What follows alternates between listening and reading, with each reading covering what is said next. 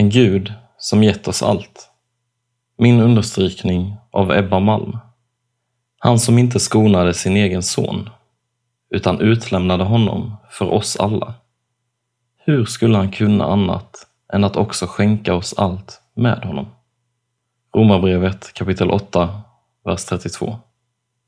Ibland känns det som om Gud är extremt långt borta från mig. Och i de stunderna känner jag mig även så liten. Vem är jag? Och vad kan lilla jag göra i denna stora värld? Men då får jag genom denna bibelvers påminnas om hur galet mycket Gud älskar mig. Han sände sin egen son för att dö för min och din skull. Varför skulle en Gud som gav oss sin enda son överge oss? Nej, det gör han inte. Och han kommer inte göra det heller.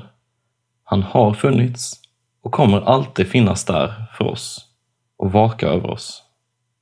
Alltid.